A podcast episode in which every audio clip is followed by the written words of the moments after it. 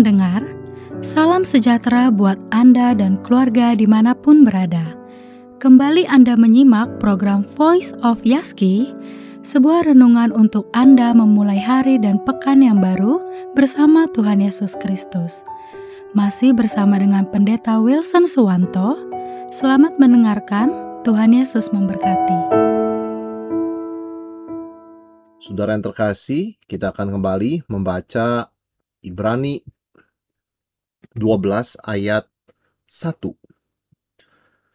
Karena kita mempunyai banyak saksi, bagaikan awan yang mengelilingi kita, marilah kita menanggalkan semua beban dan dosa yang begitu merintangi kita dan berlomba dengan tekun dalam perlombaan yang diwajibkan bagi kita. Kita sudah belajar bagaimana supaya kita tidak menyerah dan tetap tekun dalam mengikut Tuhan. Dua minggu lalu kita belajar, yaitu kita berfokus kepada Yesus. Ada begitu banyak hal yang membuat kita terdistraksi, eh, kemudian tidak lagi memperhatikan fokus yang utama. Padahal Yesus adalah sumber dan tujuan iman kita. Yang kedua, kita sudah belajar bagaimana kita tidak mudah menyerah adalah dengan membuang beban. Beban itu bisa berubah kebiasa berupa kebiasaan buruk dan juga dosa yang begitu merintangi kita dan membebani kita dalam mengikut Tuhan. Dan hari ini kita akan belajar bagaimana kita bisa tetap tekun dan tidak menyerah, yaitu melihat kepada mereka yang juga tekun mengikut Tuhan. Di ayat pertama tadi kita membaca, karena kita mempunyai banyak saksi, bagaikan awan yang mengelilingi kita. Apa yang penulis Ibrani maksudkan dengan banyak saksi? Kalau kita melihat Ibrani 12 ini didahului oleh Ibrani 11. Dan Ibrani 11 berbicara mengenai begitu banyak tokoh-tokoh yang sering kali disebut pahlawan iman yang tekun mengikut Tuhan sampai akhir. Banyak dari mereka tidak memperoleh apa yang dijanjikan. Banyak dari mereka mengalami kesulitan, penderitaan, penganiayaan. Tetapi apakah mereka menyerah? Sama sekali tidak. Mereka tetap tekun sampai akhir. Artinya, ketika kita mengalami tantangan, kita mengalami aniaya, kita mengalami kesulitan, dalam kita mengikut Yesus, mengapa kita jangan mudah menyerah? Karena kita mempunyai begitu banyak teladan di masa lalu, bahkan masa sekarang, yang tetap tekun mengikut Tuhan Yesus.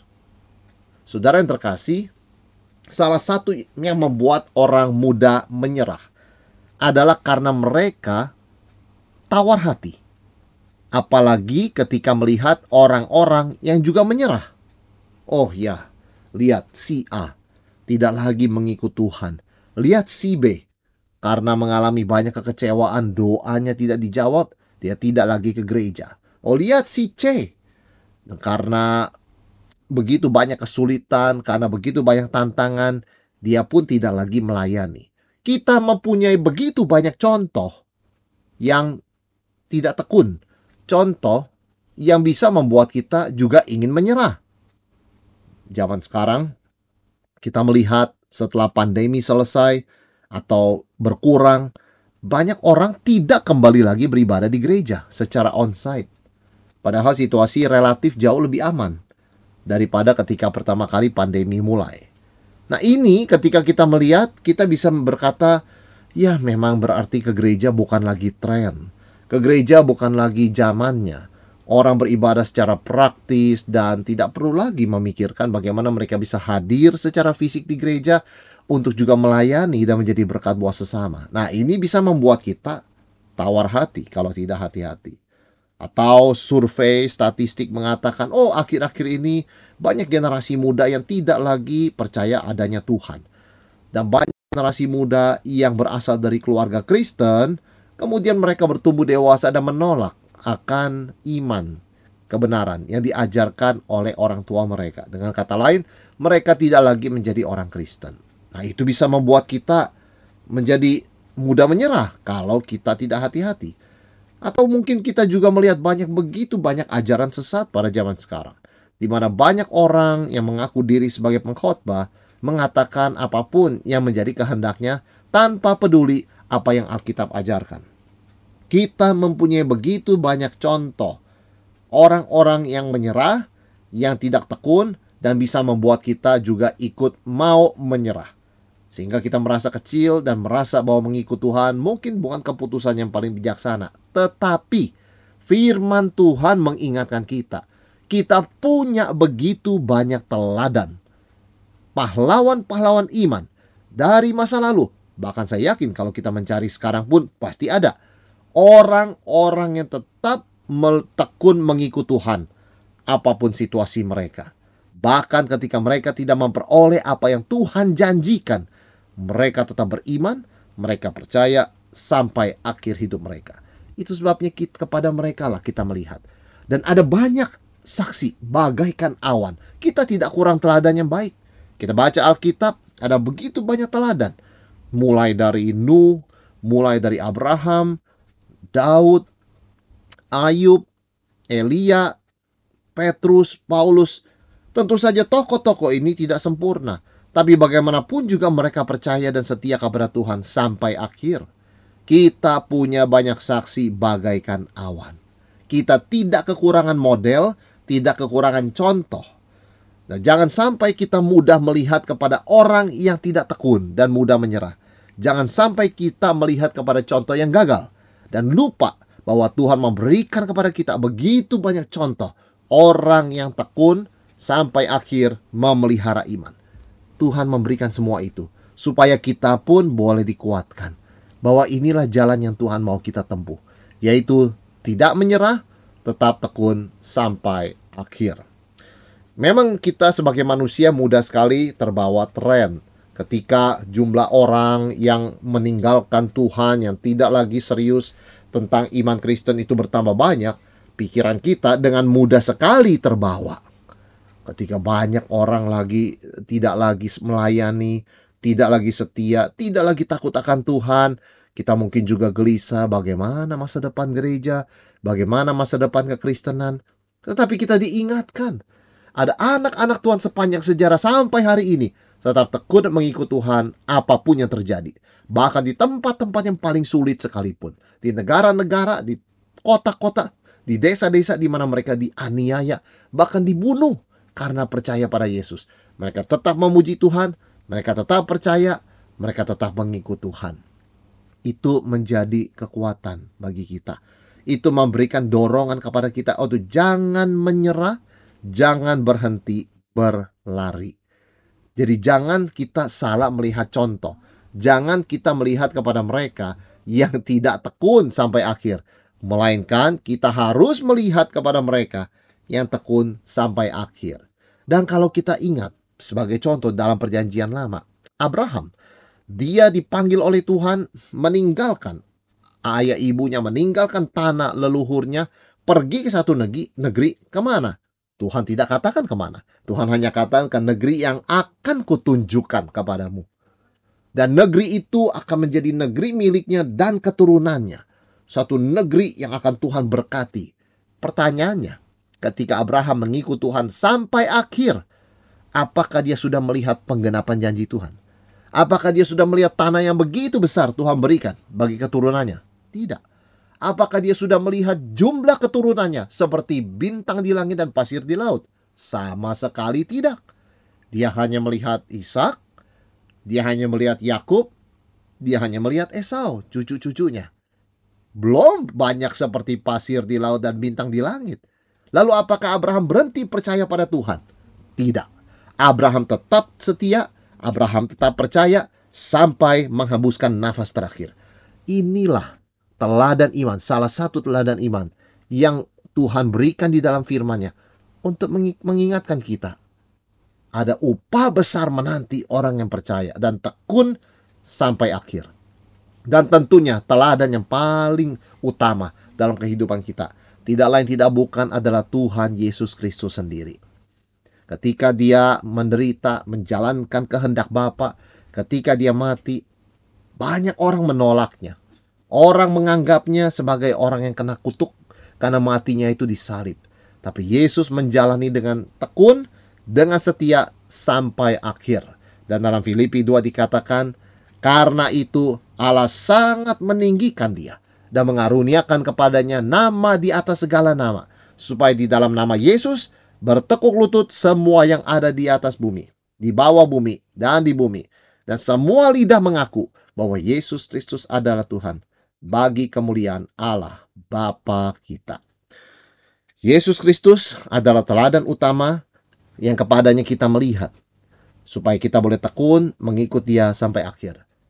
Dan bukan hanya Tuhan Yesus, kita juga dikelilingi oleh orang-orang, anak-anak Tuhan sepanjang sejarah yang sudah tekun sampai akhir. Mereka pun hidup di dalam zaman yang penuh dengan tantangan. Meskipun tantangan zaman mereka mungkin berbeda dengan tantangan zaman modern di mana kita hidup, tapi esensinya sama. Tantangan dan godaan untuk meninggalkan Tuhan dan kompromi. Esensinya sama. Dan mereka tekun sampai akhir, mereka tidak mengkompromikan iman, kita bisa juga demikian. Karena di firman Tuhan mengatakan, Tuhanlah yang memelihara kita.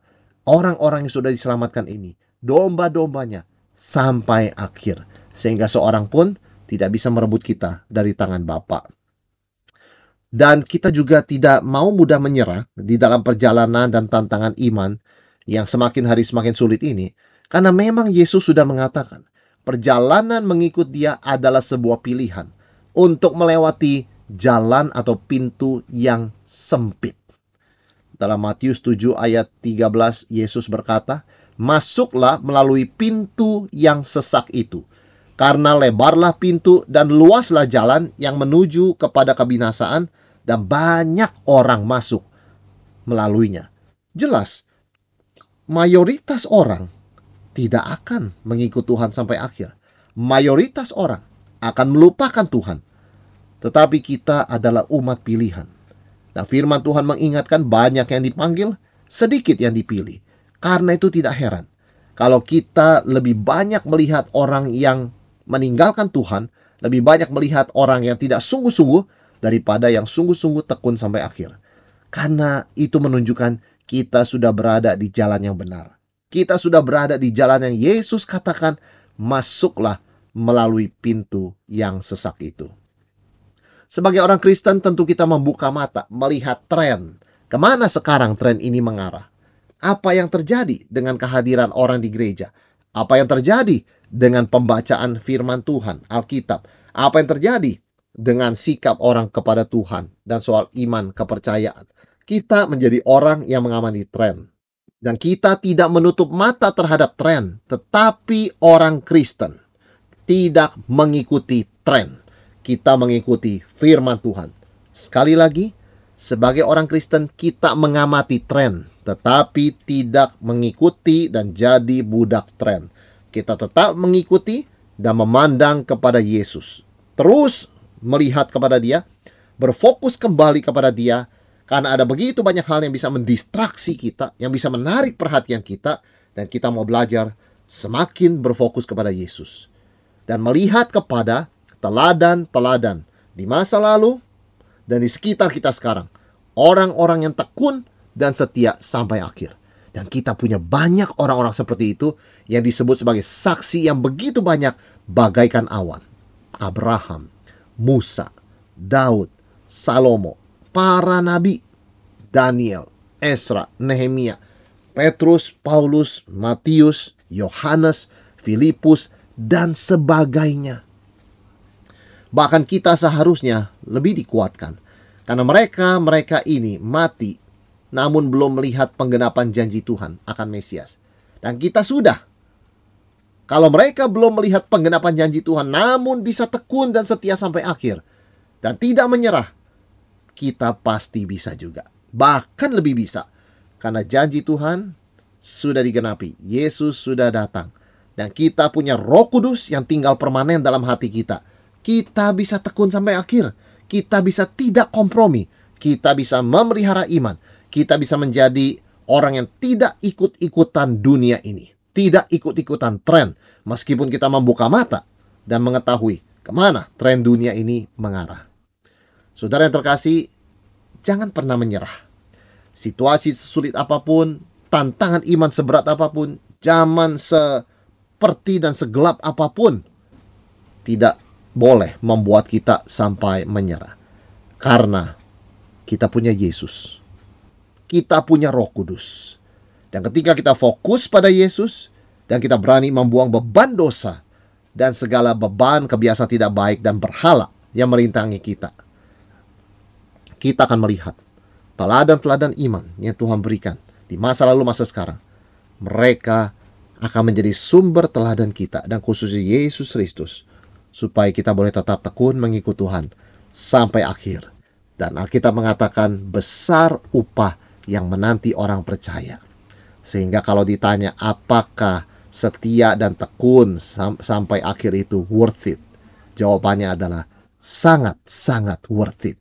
Yesus sangat layak menerima kesetiaan kita sampai akhir kita bertemu dengan dia dan menerima mahkota kemuliaan. Demikian tadi Voice of Yaski bersama Pendeta Wilson Suwanto.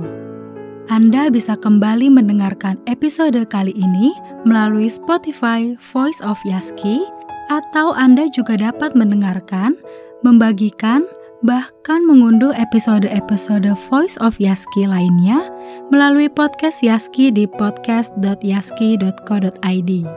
Terima kasih sudah mendengarkan. Salam sehat selalu, dan Tuhan Yesus memelihara Anda dan keluarga.